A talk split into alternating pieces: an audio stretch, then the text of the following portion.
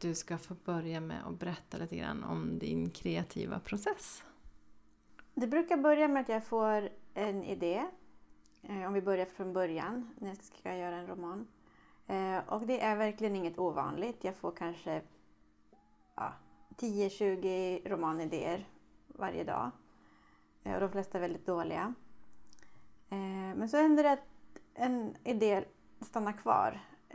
Och jag blir liksom inte av med den på flera dagar, och ibland flera veckor och ibland hänger den kvar i flera månader. Och eh, då brukar det bli att till slut så tar jag tag i den eh, och så blir det en bok så småningom. Eh, och det första jag har är bara en idé. Det är lite som, en, som kärnan av en historia som jag ska skapa. och det kan vara till exempel tre personer som har varsin hemlighet möts eh, när de alla försöker begå självmord och hoppa från en bro. Men när de möts så uppstår ett samtal mellan dem och genom bokens gång så avslöjar de sina hemligheter för varandra och det leder till något mycket bättre. Det skulle kunna vara en sån, det kom jag på nu bara som ett exempel. Um, och då har jag ju redan en nyckelscen i huvudet, där de står vid bron, den måste bli stark. Eh, och sen så måste jag då börja utveckla, ja, men vad är det för tre personer då? Och varför vill jag ha just tre? Är det bättre om de bara är två? Blir det starkare? Eller finns det en anledning till att jag ska ha tre? Ja, kanske att det ska bli ett triangeldrama mellan dem. Eh, på något sätt. Två blir kära i varandra och den tredje känner sig utanför. Eller, eller den ena blir kär i den andra som blir kär i den tredje. Eller... Aha, vilken typ av personer ska vi ha då? Och då brukar jag eh, tänka så att jag inte vill tråka ut mig själv för att det tar ju minst ett år att skriva en roman. Så jag får inte bli trött på mina huvudpersoner. Så därför vrider jag och vänder på dem medan jag skapar dem. Och jag tror för de flesta så är ju instinkten att skriva någon som liknar en själv. Eh, det skulle bli jättetråkigt om alla de där tre personerna var liksom en eh, en lesbisk 38-åring eh, som bor i Hökarängen och skriver böcker. Eh, så Många säger att varje författares första bok är en självbiografi och så kan det nog vara lite grann att den första boken man skriver har väldigt mycket med en själv att göra. Men sen börjar man just vilja vilja inspirera sig själv eller, eller inte tråka ut sig själv. Så när jag skapar en karaktär, ja men då kanske jag först tänker mig att de här tre huvudpersonerna är allihop i 25-årsåldern. Men då måste jag tänka så här, men vänta nu. Tänk ifall en av dem är typ 80. Blir det mer intressant? Ja, det blev det faktiskt. Eh, jag kanske först tänker att, eh, att det är tre, eh, ja men det här är tre, tre tjejer Ja, blir det annorlunda om det är tre killar? Eller blir det annorlunda om en av dem är kille? Eller om någon är icke-binär? Är alla cis? Är det någon som har liksom att, att det är en, trans, en transgrej skulle ju också kunna vara den här hemligheten som en av dem har som är så jobbig för en så att den står där. Och så, fast är det klyschigt eh, i litteratur? Hur, på vilket sätt har transpersoner, på vilket sätt skildras transpersoner oftast? Ja, är de oftast självmordbenägna i litteraturen, då kanske det är dags att jag hittar på något nytt. Och det här för mig också känns, eh, det är en del i den kreativa processen, att tänka nytt. Tänka vad har, vad har gjorts förut och hur kan jag göra det på ett annat sätt? Eh, så jag vrider och vänder på de här, måste alla vara svenskar? Eh, finns det någon, någon Finns det något eh, dramaturgiskt värde i att de har olika ursprung till exempel. Eh, skulle det kunna påverka relationerna? Så jag tänker dels utifrån eh, att jag vill komma ifrån min första tanke om vad det här ska vara för, person och testa. Och ibland så, så blir det nej, det blir inget bra om, Det blir inget bra om den eh, ja, kommer från det här landet. Eh, visst, det hade funkat jättebra i en annan historia, men inte i den här historien. Och ibland så blir det här, ja, det var ju faktiskt, det ger ju en extra dimension till det, för då kan den eh, ge det här perspektivet på det här. Eh, Hur länge tänker du då innan du börjar skriva? Eh, ganska länge. Längre och längre skulle jag vilja säga. Eh, oftast. Den boken som jag håller på med nu, jag tror jag tänkte i två år innan jag skrev första ordet på den. Eh, så det beror också på hur pass stort projekt det är och om jag har något annat för mig under tiden. För jag höll ju på att skriva slutet på en, en liten bokserie medan jag kom på den nya idén. Och då fick ju den nya idén bara ligga och gro i, i ett par år. Eh, men i alla fall ett par månader eh, brukar det vara. Sen har det hänt att jag har börjat på en gång med någon bok. Barnböckerna brukar gå snabbare till exempel. Eh, och sen så när jag börjar skriva då har jag bara den här... I, i, jag har ju två dokument. Liksom. Jag har ett som är eh, synopsis och sen så har jag ett som är själva texten.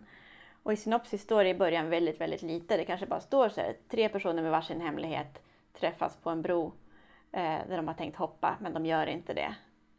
Eh, och sen då när jag börjar tänka, så börjar jag skriva på den här historien, så börjar jag tänka på de här personerna. Och ju mer jag tänker, eh, desto mer, om jag till exempel har bestämt att ja, men de två är i 25-årsåldern och den tredje är 80. Ja, vad är det för någon då? Och ska jag följa alla tre? Ska jag ha alla tre personernas perspektiv? Och så börjar jag tänka på sånt. Eh, ska jag berätta ur en person, persons håll eller från alla tre? Den här 80-åringen, ska jag göra tillbakablickar på hennes uppväxt? Eh, som säkert har med saken att göra. Ehm, och sen börjar jag tänka, när jag har liksom förstått vilka de här personerna är, då börjar jag tänka vilka viktiga punkter kommer att komma i den här historien. Det måste ju finnas några eh, några vändpunkter eller nyckelscener som kommer senare. För då kan jag ha dem i åtanke när jag skriver nästa kapitel. Då kanske jag skriver nästa kapitel och kapitlet handlar bara om vi följer, den, vi följer en av personerna när den går hem i natten istället för att hoppa, vilket den hade tänkt göra på morgonen. Eh, vi följer den personen, vad den gör och hur den kommer hem till lägenheten. Men hela tiden har jag då i bakhuvudet att nu jobbar vi mot nästa vändpunkt. Så att allt som jag skriver där ska liksom bli som en grund för nästa vändpunkt i historien. Eh, och sen ju längre jag skriver desto mer kommer jag på eh, den kommer hem och först kanske jag tänker, ja den kommer hem till en ensam lägenhet, den bor ensam. Nej, det visar sig att den kanske inte alls gör.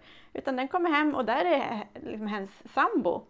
Eh, jaha, de, de är, den här personen har en relation. Okej, okay, eh, undrar ifall den sambon eh, skulle kunna vara den som gör att den här andra personen kommer fram till... Så, så då skriver jag in det i synopsis. Så synopsis byggs på. Liksom, en, jag brukar kalla det för ett levande dokument. Det är inte att jag först bestämmer hur hela historien ska vara och sen skriver hela historien, utan de jobbar ihop. Liksom. Mm, om jag skriver någonting i själva texten som ska bli bok som ger mig en idé om vad som kan hända i ett senare kapitel, då skriver jag in det som en punkt i synopsis så att de jobbar tillsammans. Eh, sen är det så att jag har förstått att väldigt många författare eh, de pratar i alla fall om det, om att de eh, rafsar ner historien för att få ur sig den och sen går tillbaka och redigerar och fundera på ordval och rytm och vad behövs egentligen av det här, vad ska jag ta bort? Eh, men jag gör inte så. Eh, jag tänker jättemycket innan jag börjar skriva en scen. Eh, dels tänker jag vad, vad, ska den här scenen handla om? Varför behöver jag den här scenen? Vad ska, hur passar den här scenen in i resten av historien? Vad vill jag säga med den här scenen? Vad vill jag ha för känsla i scenen? Vad ska scenen förmedla? Och helst vill man ju att en scen har flera bottnar. Alltså att den både eh, tar historien framåt och berättar någonting om huvudpersonen som är med i scenen och ger en känsla för kanske platsen. Eh, så att den bygger upp historien på flera nivåer. Eh, så då tänker jag också, hur ska jag inleda scenen? Vill jag börja med en replik? För då kommer man ju rappt in i scenen. Eller vill jag börja med att sätta stämningen genom att kanske beskriva någon detalj i rummet? Eh, eller vill jag börja med en, en inre tanke hos huvudpersonen och så vidare. Så jag tänker och tänker, jag tänker jättemycket innan jag ens börjar skriva den här scenen. Men sen när jag har skrivit den, då brukar jag inte ändra nästan någonting i redigeringen efteråt. Utan man kan nog säga att de flesta författare redigerar 90 procent och skriver 10 procent. Och det gör jag med, fast min redigering sker liksom innan. Och väldigt många sker efter. Man brukar ju säga liksom att för att bli författare så ska man hitta sin egen röst. Mm. Kan du berätta lite om hur du hittade din röst? Egentligen kan jag inte berätta om hur jag hittade min egen röst för att när jag läser texter som jag skrev när jag var sju åtta år, då kan jag känna igen min egen röst där. Ehm, jag tror att jag började utveckla den då. Jag, skrev, jag läste och skrev oerhört mycket som barn. Ehm, det är ju många författare som utvecklar sin röst som vuxna och, och söker och kanske går skrivkurser och ja, försöker hitta sitt eget uttryck. Eh, jag har fått jobba på andra saker som vuxen för att kunna skriva romaner, men inte på min röst. Eh, det är lite lustigt när jag läser till och med gamla texter som jag skrev när jag var, säg nio år att jag kan se, jag kan läsa dem, jag kommer inte ihåg texten, jag kommer inte ihåg att jag skrev dem, men jag kan ändå känna igen mitt uttryck i texten. Och mitt tips brukar vara, för den som vill hitta sin egen röst, eh, det är att göra, vilket jag tror att jag alltid har gjort, eh, att när man ska formulera en mening, om man ska skriva ner någonting eh, i en historia, så så har man ju först sin första tanke om vad det ska stå där. Säg att jag ska skriva att eh, eh, Sara Maria gick till Backmans gård för att hjälpa dem med kalvningen. Det är min första instinkt. Men sen tänker jag, nej, det lät inte som jag vill att det ska låta. Och så vrider jag och vänder så här. Kanske jag ska börja med, det vore lite mer jag och säga så här eh, eh, det var kyligt den morgonen när Sara-Maria gick till Backmans gård. Punkt. Den sista kvigan hade just kalvat. Punkt. Nej, den sista, så låter inte min rytm. Den sista kvigan hade just kalvat och kalven skulle just... Nej, det blir upprepning. Den sista kvigan hade just kalvat och nu var det dags att, mm, det blir bättre, det blir, blir med den rytmen. Och sen går jag igenom det en gång till och så läser jag det med meningen innan och så tänker jag så här. Känns det bra för mig att läsa det här? Alltså, är det här som den, det absolut eh, den beskrivning som ger mig bäst känsla? Ja, men då är det ju min röst. Och så tänker jag att man hittar sin röst, antingen medan man skriver eller när man redigerar i efterhand. Man försöker hitta, på, i varje mening man skriver försöker man hitta den meningen som får det att kännas bra för en själv. Och jag tror att det är så som jag har gjort, även som barn, när jag har skrivit. Men jag måste säga att datorerna hjälper. Eh, det är många som säger tvärtom, men jag tycker att att det hjälper att ha en dator för att då kan man testa en mening. Man kan skriva ner meningen och så läser man nej, det där var nog inte riktigt mitt uttryck. Eh, och så suddar man den så skriver man en ny så kan man läsa den och säga nej det här var inte heller det. Jag kan ändra en mening upp till ja, 20-25 gånger innan jag är nöjd med den. Och det skulle ju ta väldigt mycket papper att göra det. Så vissa tycker att datorerna har försämrat men jag tycker att, de har hjälpt när det gäller att hitta sin röst. Var det liksom självklart för dig, jag tänker så här, din väg till att bli författare, kan du, kan du berätta om det? Ja, det var det. Det var, det var självklart för mig att jag skulle bli författare. Um, sen trodde jag nog att det skulle gå lättare än vad det gjorde. Uh, för jag är uppvuxen med att jag alltid fick... Jag lärde mig läsa när jag var två år och sen började jag skriva. Jag kan visa dig sen mina texter som jag skrev när jag var fyra. Det var så uppenbart för mig att det var det jag skulle göra. Eh, och när jag var 19 då skrev jag min första vad jag tänkte skulle bli min första roman. Eh, och liksom möttes av lite av eh, en eh, oväntad vägg. Eh, för jag hade alltid fått höra av mina lärare att jag skriver väldigt, väldigt bra. Och jag hade, nä jag hade nästan inte fått någon negativ kritik på någonting jag hade skrivit förrän jag skickade in mitt bokmanus till förlag och blev refuserad. Eh, och det förvånade mig så mycket, men jag fick i alla fall några ganska eh, tydliga men hårda eh, indikationer på vad jag saknade. Eh, apropå att jag, jag sa förut att jag har inte behövt försöka hitta min egen röst, men jag, jag har behövt träna på andra saker. Och det var, jag fick svaret att eh, jag hade att jag hade ett bra och välutvecklat och personligt språk. Men att min, eh, mina historier inte var så bra uppbyggda. Så det var det som jag satte mig och tränade på och analyserade hur andra hade gjort och funderade över vad utgör en bra historia, hur bygger man den, hur ska man tänka? Det räcker inte bara, alltså för att skriva en bra kärlekshistoria så räcker det inte med att skriva och ha två personer som båda två är sympatiska som man vill ska bli kära och så blir de kära och så blir de ihop. Det räcker inte. Det måste finnas hinder på vägen för dem, det måste finnas kanske hinder inom dem, det måste finnas konflikter mellan dem, eh, det måste det ska gärna finnas någonting annat än bara att de blir kära i varandra. Ehm, så jag lärde mig helt enkelt hur man bygger upp en historia och tio år efter att jag då började skriva min första roman så fick jag min första roman utgiven. Du har ju skrivit ganska många böcker måste man säga. Vad, vad skulle du säga, om du berättar, vad, vad är du mest stolt över?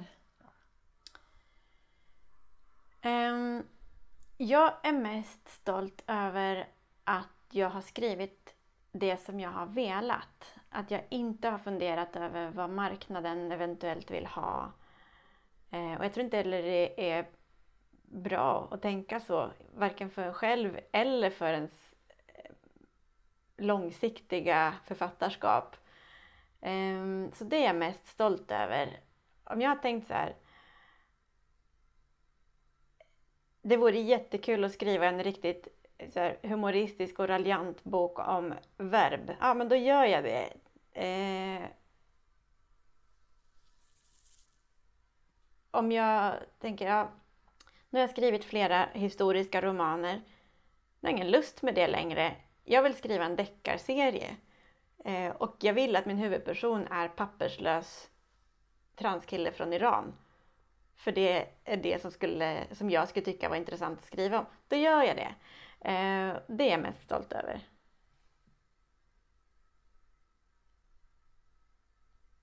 Hur ser du liksom framåt då? Kan du berätta om det? Vad menar du? Ja, men hur tänker du liksom om du skulle, vad tror du att du är om fem år? Ehm,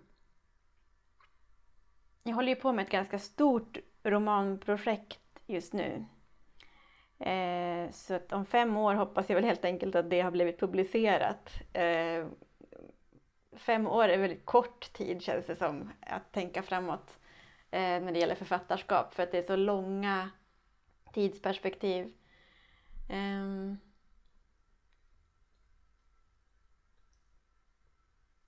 nu har jag faktiskt, så jag sa förut att det, det, eh, det tog tio år för mig från att jag skrev min första roman till att min första roman kom ut.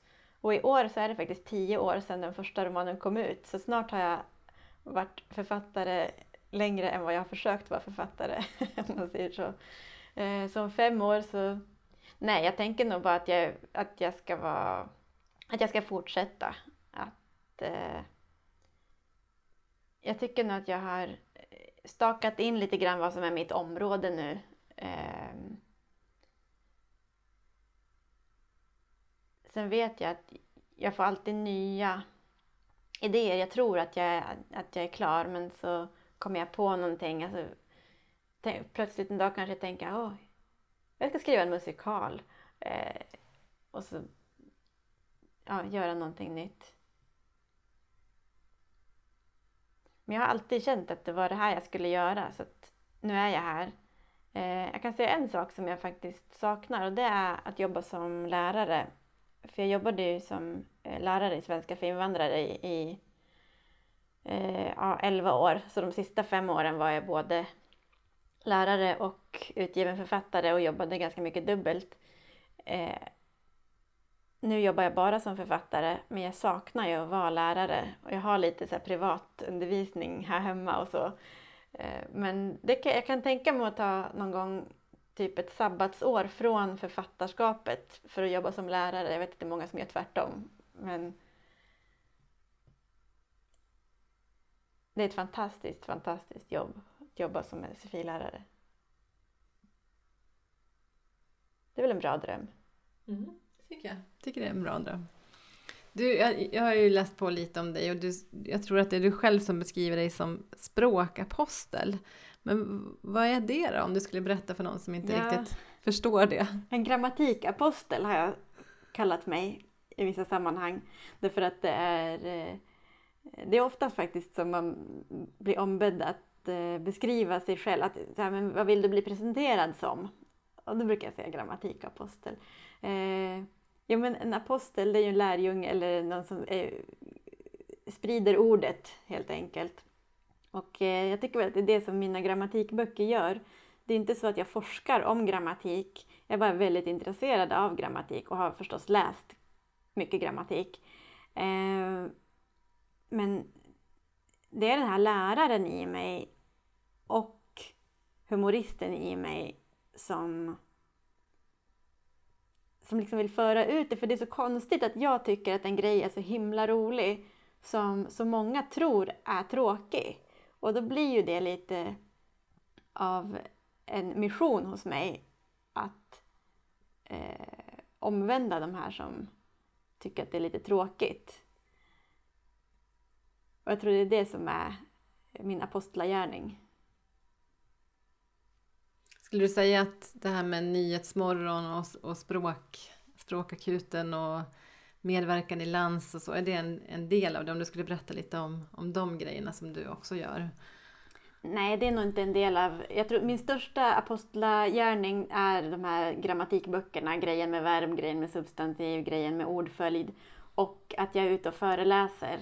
Eh, så att de här föreläsningarna och det. Men det som jag gör i Nyhetsmorgon är ju bara egentligen att svara på språkfrågor som, eh, och, och, och svamla lite om språk. Det går inte så himla djupt. Det, vi har en kvart och vi river av tre, fyra ämnen varje gång.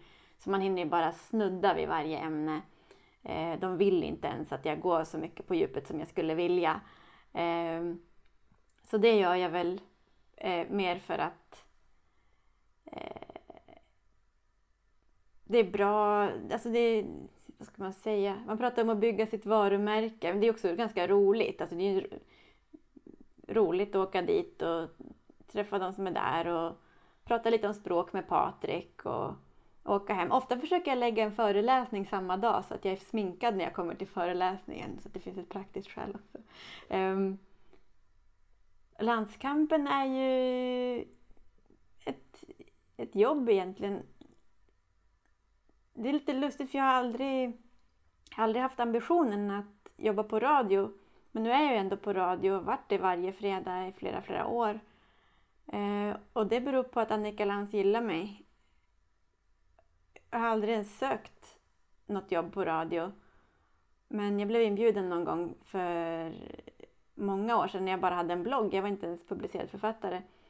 Så blev jag inbjuden på grund av något jag hade skrivit i bloggen till hennes program. Och sen blev jag inbjuden några fler gånger eh, för vi kom bra överens.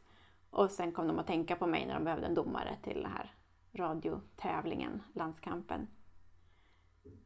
Eh, jag försöker få in lite, lite språkfakta i Landskampen eh, då och då. Eh, men det är också ett format där det är viktigt att de inbjudna gästerna får prata mycket. De vill sällan prata om partikelverb och konjunktioner och så. Men jag tänker, har du märkt liksom sen du började skriva de här böckerna, dina liksom grammatikböcker och språkböcker och sådär, har du märkt att något liksom, alltså hur ser intresset ut för språk? Det är jättestort. Egentligen så är ju alla människor språkintresserade eh, på ett eller annat sätt. Eh, jag tänker på det ofta när man, när man åker tåg. Om folk inte pratar om log, ren logistik, var är du, vart ska du, vart skulle vi gå av? Eh, så pratar de väldigt ofta om språk. Eh, typ, så, där kan, så där kan man inte säga. Eller eh, vadå, vad betyder det där? Eller Eh, jag försöker lära mig det här språket men jag fattar inte det här. Eller eh, hur, hur säger, jag, jag, skriver, jag sitter och skriver ett sms. Hur, skriver man, hur ska jag skriva det här så att han förstår? Alltså det är så mycket som handlar om språk. Eh, och språket är grunden för människans existens egentligen. Om vi inte hade språk då skulle vi inte kunna kommunicera. Och i förlängningen, om vi inte hade haft grammatik så hade vi inte kunnat prata, haft, vi hade inte haft ett språk som är på den höga nivå som den är i, i komplexitet. Så att utan språk och utan grammatik skulle vi inte kunna kommunicera på det sättet som gör att vi kan åstadkomma väldigt avancerade saker som art. Eh, så därför är det inte så konstigt att alla människor är intresserade av språk och sen kanske de inte skulle uttrycka det så, som att de är intresserade av språk. Men det ligger i människans natur att vara det. Och eh, när jag pratar om grammatik, om jag har någon föreläsning eller, eller bara pratar på radio om grammatik eller så, så får jag väldigt stor respons. Och vissa människor hör också av sig och säger jag har aldrig tänkt på grammatik på det här sättet. Att det liksom är, för jag ser grammatik som ett som ett stort och för de flesta hemligt system som avslöjar vad det är vi gör när vi kommunicerar med varandra. Och jag började avslöja det här systemet redan när jag var typ 7-8 år. Så började jag inse att det finns vissa mönster i hur vi använder ord. Eh, och så avslöjade jag del för del för del. Och trodde att jag var den stora upptäckaren av det här systemet. Tills jag kom upp i högstadiet och min lärare sa att nu ska vi prata om grammatik. Eh, och lite grann av min, av min eh, apostlagärning är ju att, att eh, väcka den lusten att upptäcka systemet snarare än att tro att, att grammatik är någon typ av regelbok. Jag tänker att många som eh, har så kallad dålig grammatik får aldrig chansen att tänka på grammatik som, som ett hemligt system som, som alla klarar av utan de tror att grammatik är en typ av lagbok som man kan slå i huvudet på varandra med när man bråkar. Eh,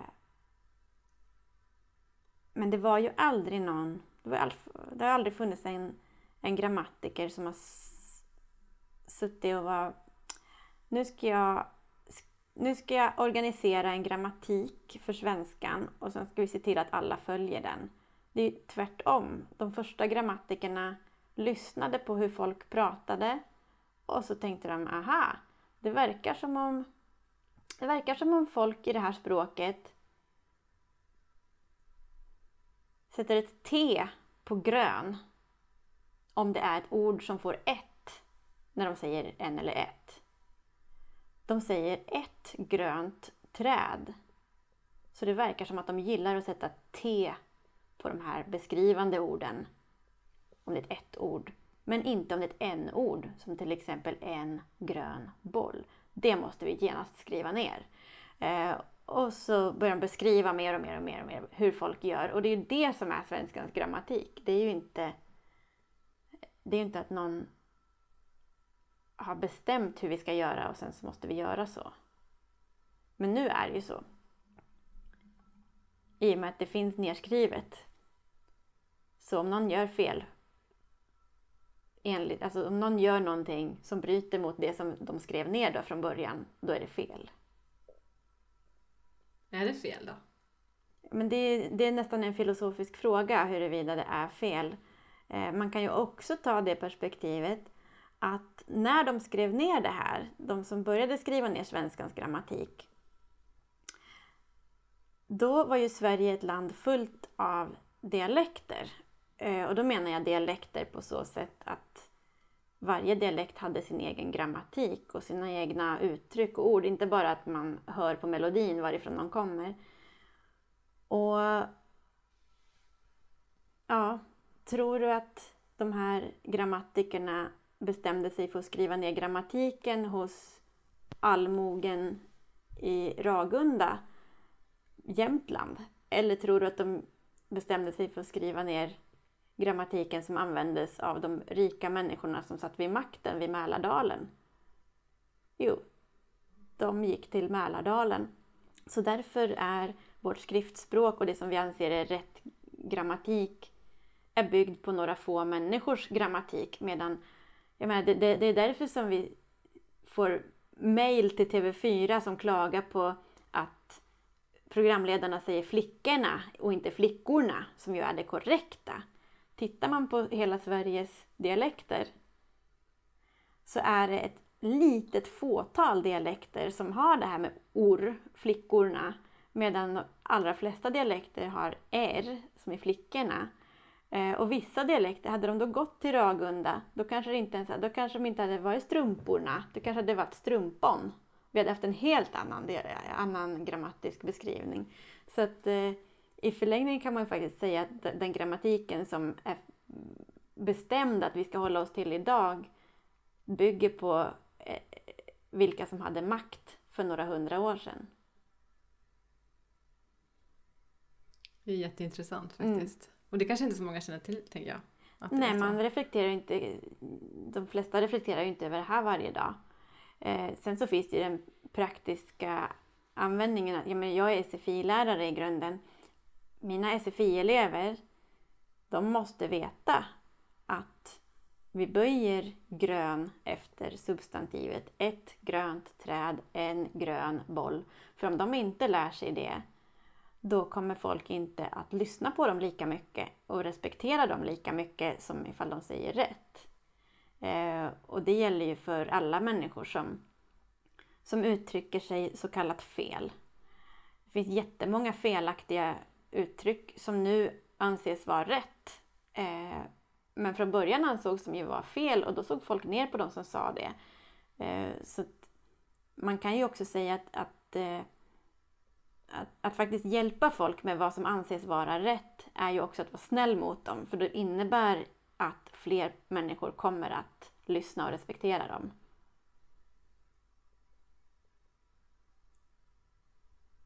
Så det är lite dubbelt. Å ena sidan så finns det inte en demokratisk grund som finns till... Eh, eller våra nuvarande grammatiska regler och skriftregler har inte en demokratisk grund. Men eh,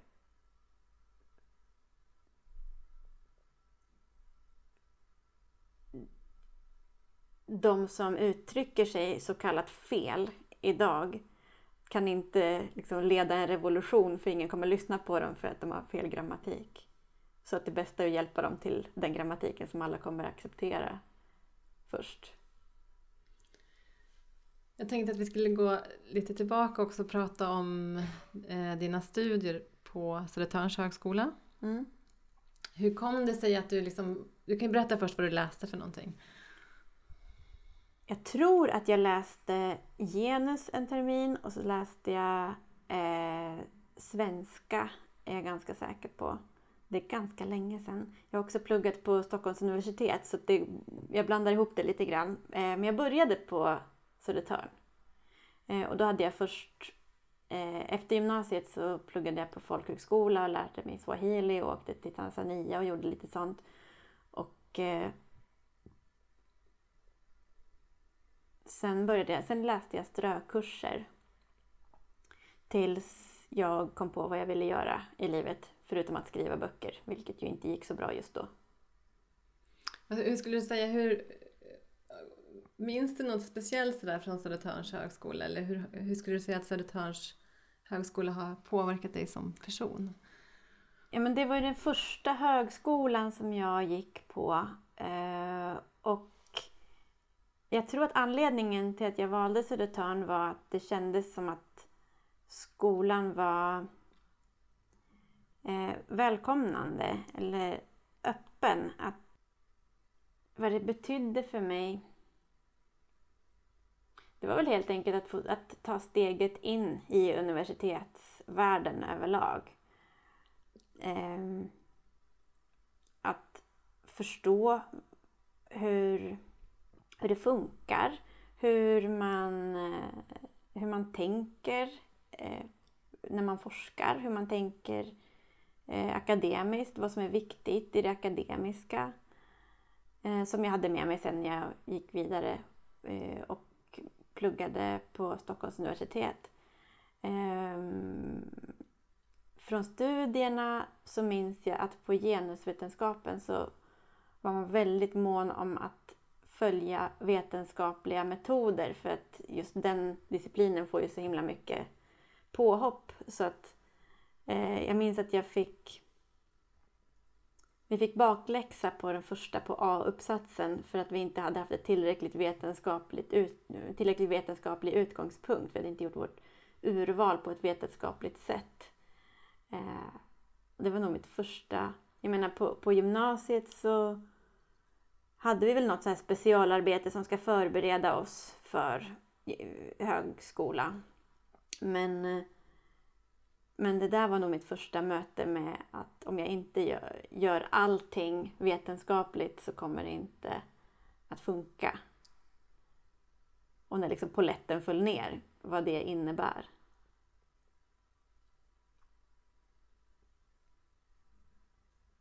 Sen är det faktiskt ganska många som jag mötte det första året på Södertörn som jag stöter på nu i olika sammanhang.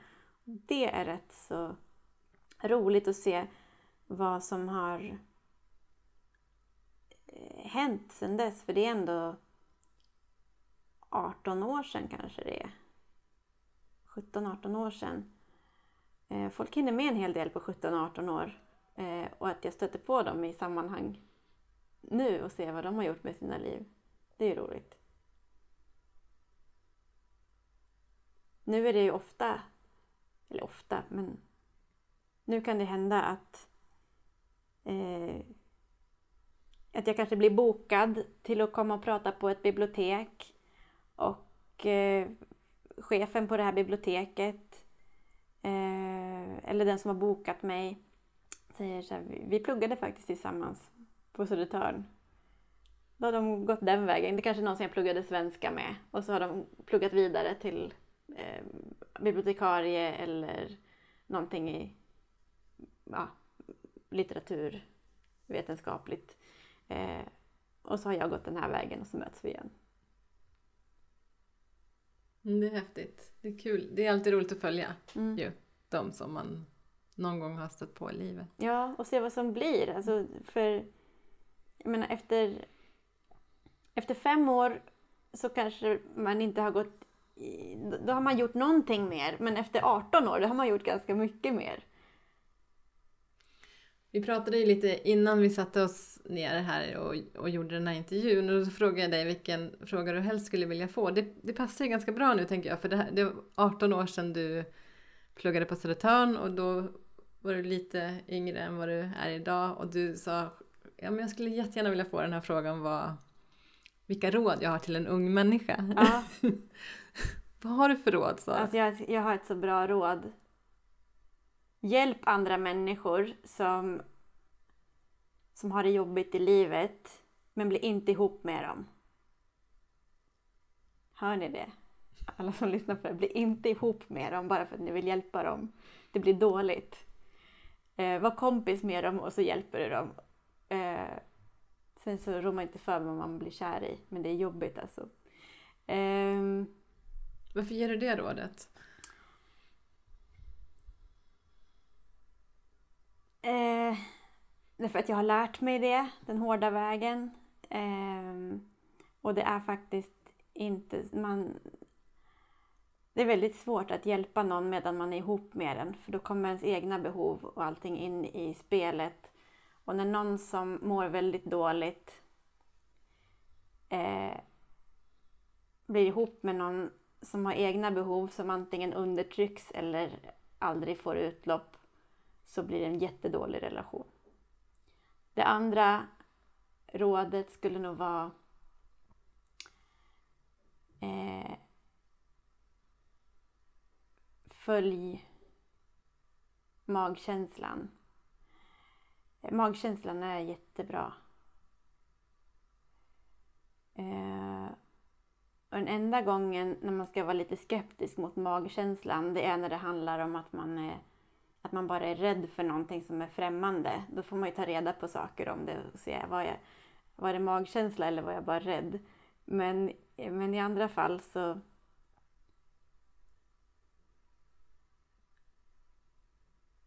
så tycker jag verkligen att magkänslan har lett mig rätt medan att gå emot den har lett mig fel. Eh, och det tredje rådet, det är att om du om du har liksom en hemlighet eller någonting som du skäms för så eh, blir det mycket, mycket lättare om du kan berätta det för någon. Eh, för det finns ju alltid någon som har varit med om samma sak.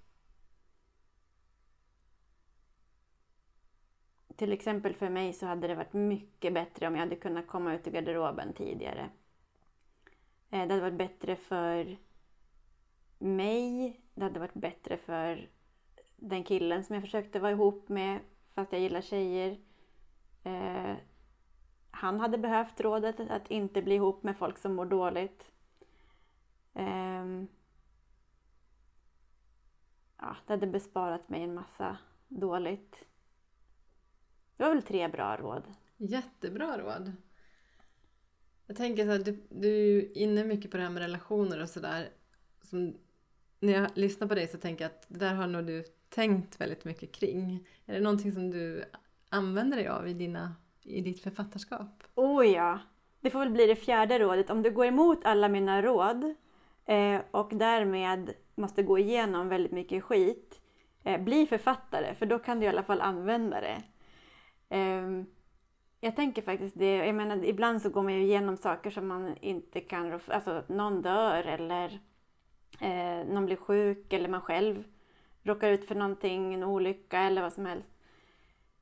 Eh, och då när jag är liksom som djupast och, och det bara är jobbigt och man sitter och gråter, då har jag alltid liksom en liten, liten röst i bakhuvudet som säger det här kan jag använda. Eh, så det finns alltid någonting att få ut av det, nämligen att jag kan använda min smärta när jag skriver sen.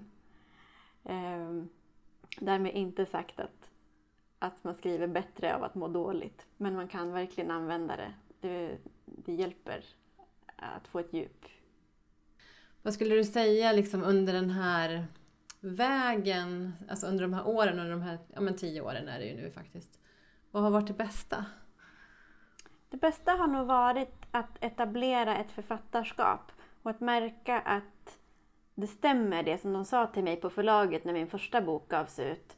Att eh, vänt, om, om fyra, fem böcker, då kommer du ha en läsekrets och då kommer ditt författarskap att bära sig. Eh, och att det blev så. Eh, att det faktiskt är så nu att jag har en stor läsekrets, att jag har, mina böcker har översatts till om det är tio språk och att eh, det finns folk som väntar på min nästa bok. Eh, att det liksom har, har lyckats, att det har funkat. Eh, jag är inte svinrik, men jag kan leva på det här och eh, det är det ju inte alla som kan göra. Ehm,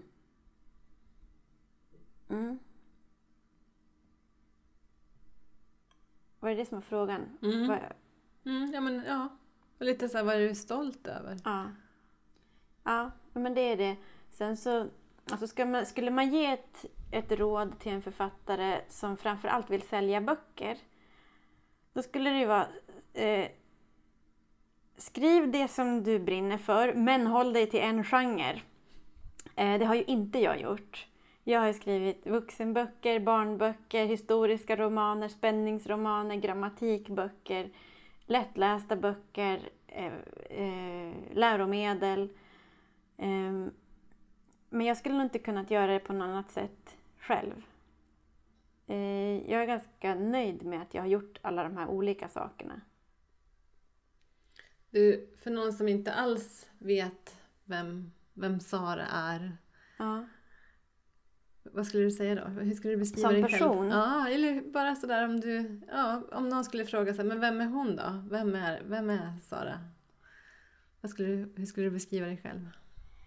Eh, professionellt så skulle jag säga hon är eh, författare, språkvetare som eh, också är känd från TV4, har gjort några tv-serier på Utbildningsradion och eh, är domare i P1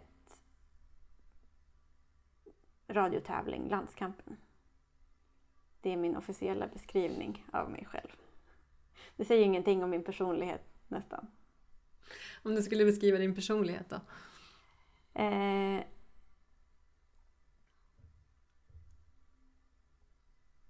jag är en, jag är en vansinnigt kreativ person som sätter kreativitet först i mitt liv. Ehm, som är kreativ på många plan. Jag skriver böcker och ja, ritar och syr och målar och gör pepparkakshus och allt sånt där. Jag är väldigt dålig på att städa. Eh, jag tänker mycket på vad som är det rätta att göra. Jag försöker vara hjälpsam och eh, göra det som, känns, som ger mig en bra magkänsla.